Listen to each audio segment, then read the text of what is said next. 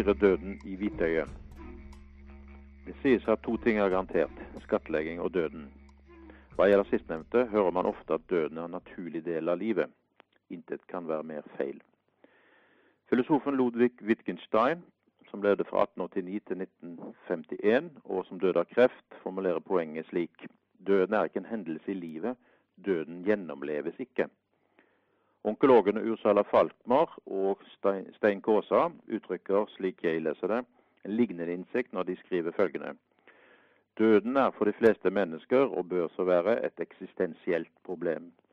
Legen har muligens erfaringer med dødsprosessen, men definitivt ikke med døden.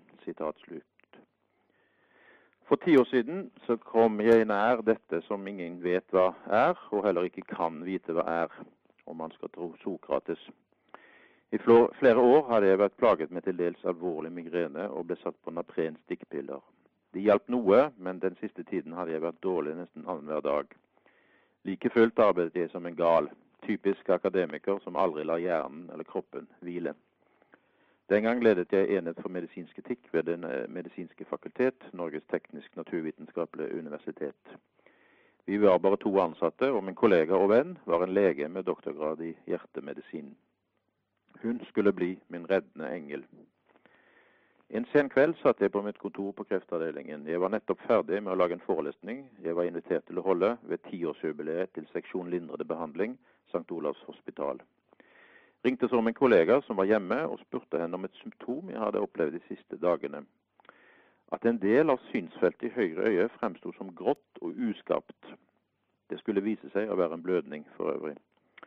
Da kom jeg plutselig på at jeg to netter tidligere hadde våknet med voldsomme brystsmerter. Det var så vondt at jeg nesten ikke holdt ut. Men det ga seg heldigvis raskt. Jeg hadde fortrengt det hele. Det er interessante mekanismer som trer i kraft når man ikke vil tenke at man kan være alvorlig syk. Min legevenn kjente min sykdomshistorie og koblet umiddelbart symptomene sammen med den. Vi hadde et åpent og direkte forhold, så hun la ikke skjul på at det kunne være livstruende, og forklarte meg på hvilken måte. Deretter kontaktet hun med mitt samtykke akuttmottaket. Jeg ruslet rolig bort til akutten og tenkte at det var best å få det utredet, i alle fall for å utelukke ting. Der gikk alarmen. En sykepleier målte blodtrykket til 240 over 140 og utbrøt 'herregud, for et trykk'. Ikke spesielt profesjonelt, men det er jo greit å være realitetsorientert. Sammenholdt med det jeg visste fra før, ble jeg, for å si det på enkel norsk, skitredd. Jeg hadde en påtrengende opplevelse av at jeg kanskje ikke ville komme levende fra det. Merkelig nok falt det en ro over meg straks jeg hadde erkjent dette. Jeg tenkte at det fikk gå som det ville. Ikke dermed sagt at jeg resignerte. Tvert imot. Viljen til å leve var sterk, særlig fordi jeg hadde to mindreårige barn. Jeg bare måtte holde meg i live for deres skyld. Derfor var jeg villig til å gjennomgå hva det skulle være av undersøkelser og behandling. Det ble rikelig av begge deler. Første natten skanning av hjerne og kropp med kontrastvæske i blodet. Deretter overføring til hjerteovervåkningen, der jeg ble koblet til både det ene og det andre av maskineri en type høyteknologisk medisin jeg satte stor pris på og opplevde som betryggende, slett ikke fremmedgjørende. Min overraskelse klarte jeg også her å roe meg helt ned og sa til meg selv det kommer ikke noe godt ut av å bekymre seg. Nå får du vente på ytterligere prøveresultat i morgen, og så tar du det derfra. Hvorpå jeg falt i søvn. Sykehusoppholdet ble langvarig, med mange flere undersøkelser. Jeg ble endevendt, min legevenn hadde hatt rett, legene på sykehuset var tydelige, jeg hadde vært døden nær. Da jeg skulle skrives ut, var ikke det noen god beskjed å få. Jeg følte meg trygg der jeg var, i kompetente hender, med alle ressurser umiddelbart tilgjengelig, og var nervøs for å komme hjem. Erfaringen med leger og sykepleiere kunne neppe vært bedre. De fleste utvirket viste stor fagkunnskap og var omsorgsfulle på en utpreget profesjonell måte. Personlige uten å bli private. Prosedyrene ble nøye forklart. Men den første tiden klarte jeg ikke å høre etter og måtte ha med min kone på legekonsultasjonene, slik at jeg kunne spørre henne etterpå hva var det legen sa. Jeg visste godt på forhånd at det kan være vanskelig for alvorlig syke å ta inn over seg informasjon. Legen har informert pasienten så godt som hun eller han bare kan, men pasienten har knapt hørt et ord. Inn det ene øret og ut det andre. Jeg hadde deltatt på kommunikasjonskurs sammen med erfarne onkologer og dertil spilt pasient overfor viderekomne medisinstudenter. Men virkeligheten var langt verre. Jeg var såpass slått ut av sykdommen at jeg rett og slett hadde vanskelig for å tenke. Ikke akkurat noe ubetydelig problem for en filosof. Hvorfor klarte jeg ikke å høre etter? En hypotese jeg har tenkt på en del, er følgende. I en slik situasjon er all informasjon potensielt truende. Derfor stenger man av. Det løsnet imidlertid etter hvert da jeg klarte å se på meg selv som et medisinsk objekt, som et kasus. For da jeg kom ut av subjektivitetens klør, kunne jeg drøfte min tilstand på avstand uten å være følelsesmessig involvert. I ettertid har jeg vært godt regulert, og alle prøver er fine. Jeg har aldri migrene eller hodepine, og har et daglig og nært forhold til legemiddelindustrien for resten av livet. Jeg treffer min nefrolog hvert halvår, og det er regelrett hyggelige og humørfylte konsultasjoner. At man kan ha en alvorlig sykdom i bunnen og likevel nærmest glede seg til møtet med legen, er en interessant erfaring.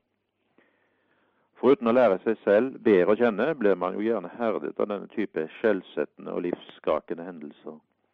For tiden er det populært å sitere Friedrich Nietzsche, som sier alt, er, alt som ikke dreper meg, styrker meg. Det er en dyp og viktig innsikt i dette utsagnet. For egen del kan jeg si at det nå skal mer til før jeg blir redd for helseproblemer. Bekymret kan jeg bli, ja, men det er et lengre stykke frem til frykten enn før. To eksempler. For noen år siden valgte jeg på eget initiativ og etter diskusjon med behandlende lege å seponere betablokkerne som medførte alle de kjente symptomene og plagene. De nye medisinene har gitt meg en mye bedre livskvalitet. I prosessen fikk jeg forkammerflimmer og en hvilepuls på 155 der jeg satt på kafé med datter og kone. Rolig sa jeg til sistnevnte.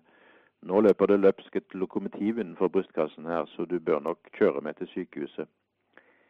Der ble det hele tatt godt hånd om øyeblikkelig. Ved et annet tilfelle brakk jeg venstre legg på slalåmsky og ble sendt av gårde i ambulanse med morfin innenbords. Resultatet var en stor operasjon med permanent internskinne og elleve skruer. I lys av det jeg før hadde opplevd, var denne hendelsen ikke rare greiene. Alt er relativt, som det heter. Det heter også at vi må akseptere døden. Ikke minst gjentas dette mantraet mantra innen palliativ medisin, som jeg i hovedsak har forsket innenfor de siste 15 årene. Etter å ha kommet døden farlig nær, er min kommentar et rungende nei.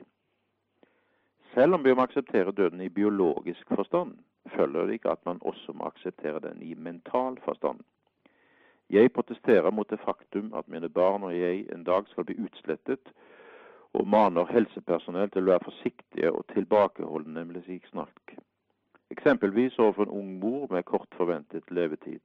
Det kan være både krenkende, respektløs og en utillatelig invasjon av hennes privatsfære å si til henne at hun må akseptere døden. Hvorfor i all verden skulle hun det? Det må selvsagt være rom for å reagere voldsomt mot sykdommens meningsløse, nådeløse, tilfeldige og urettferdige herjinger noe i en artikkel har kalt eksistensiell aggresjon, uten å bli motsagt av velmenende, men tankeløst helsepersonell. Aristoteles regnes som logikkens far. Når hans syllogismelære blir illustrert, benyttes ofte eksempler med premisset eller oversetningen 'alle mennesker er dødelige'. Det synes selvlysende sant og helt overflødig å si, men det er faktisk mulig å benekte det. Den norske filosofen Herman Tønnesen påpekte nemlig at vi ikke er dødelige, ettersom endeleddet lige bare viser til noe som kan skje. F.eks. er en sukkerbit oppløselig i vann, men vi må jo ikke putte den i vann. Alle må imidlertid dø, ergo er vi ikke dødelige, men døende. Dødsprosessen starter i og med unnfangelsen. Sammensmeltningen av egg og sædceller er således vår dødsdom. Dermed, sier Tønnesen, er et nyfødt barn et lik i knopp. Etter å ha vært i en situasjon der jeg så døden i hvitøyet, en erfaring jeg finner det umulig å forklare til den som ikke har hatt den, står det klart for meg at det faktisk forholder seg slik. Det er en latterlig overdrivelse, skriver Tønnesen, når f.eks. en dyktig praktiserende kirurg skryter av å ha reddet et menneskeliv. Men leger kan være flinke til å utsette døden, vil jeg tilføye. Dersom man klarer å ta erkjennelsen av at de alle til enhver tid er døende med stoisk ro, kan det være at man får et bedre liv etter å ha blitt skrevet ut av et helsevesen som har imponert meg. En tid etter utskrivningen, da jeg var sykmeldt, tok en depressiv og eksistensiell reaksjon tak i meg. Jeg klarte ikke å glede meg over at jeg hadde overlevd. Tvert imot var livet meningsløst, og jeg ble likegyldig. Etter hvert bleknet heldigvis denne opplevelsen og ble mer sjelden til den forsvant. Jeg har snakket med andre pasienter som har hatt lignende erfaringer. Derfor er min oppfordring til leger som behandler pasienter som har opplevd sin eksistens som truet. Når du spør hvordan det går etter utskrivningen, la det mentale aspektet få forkjørsrett.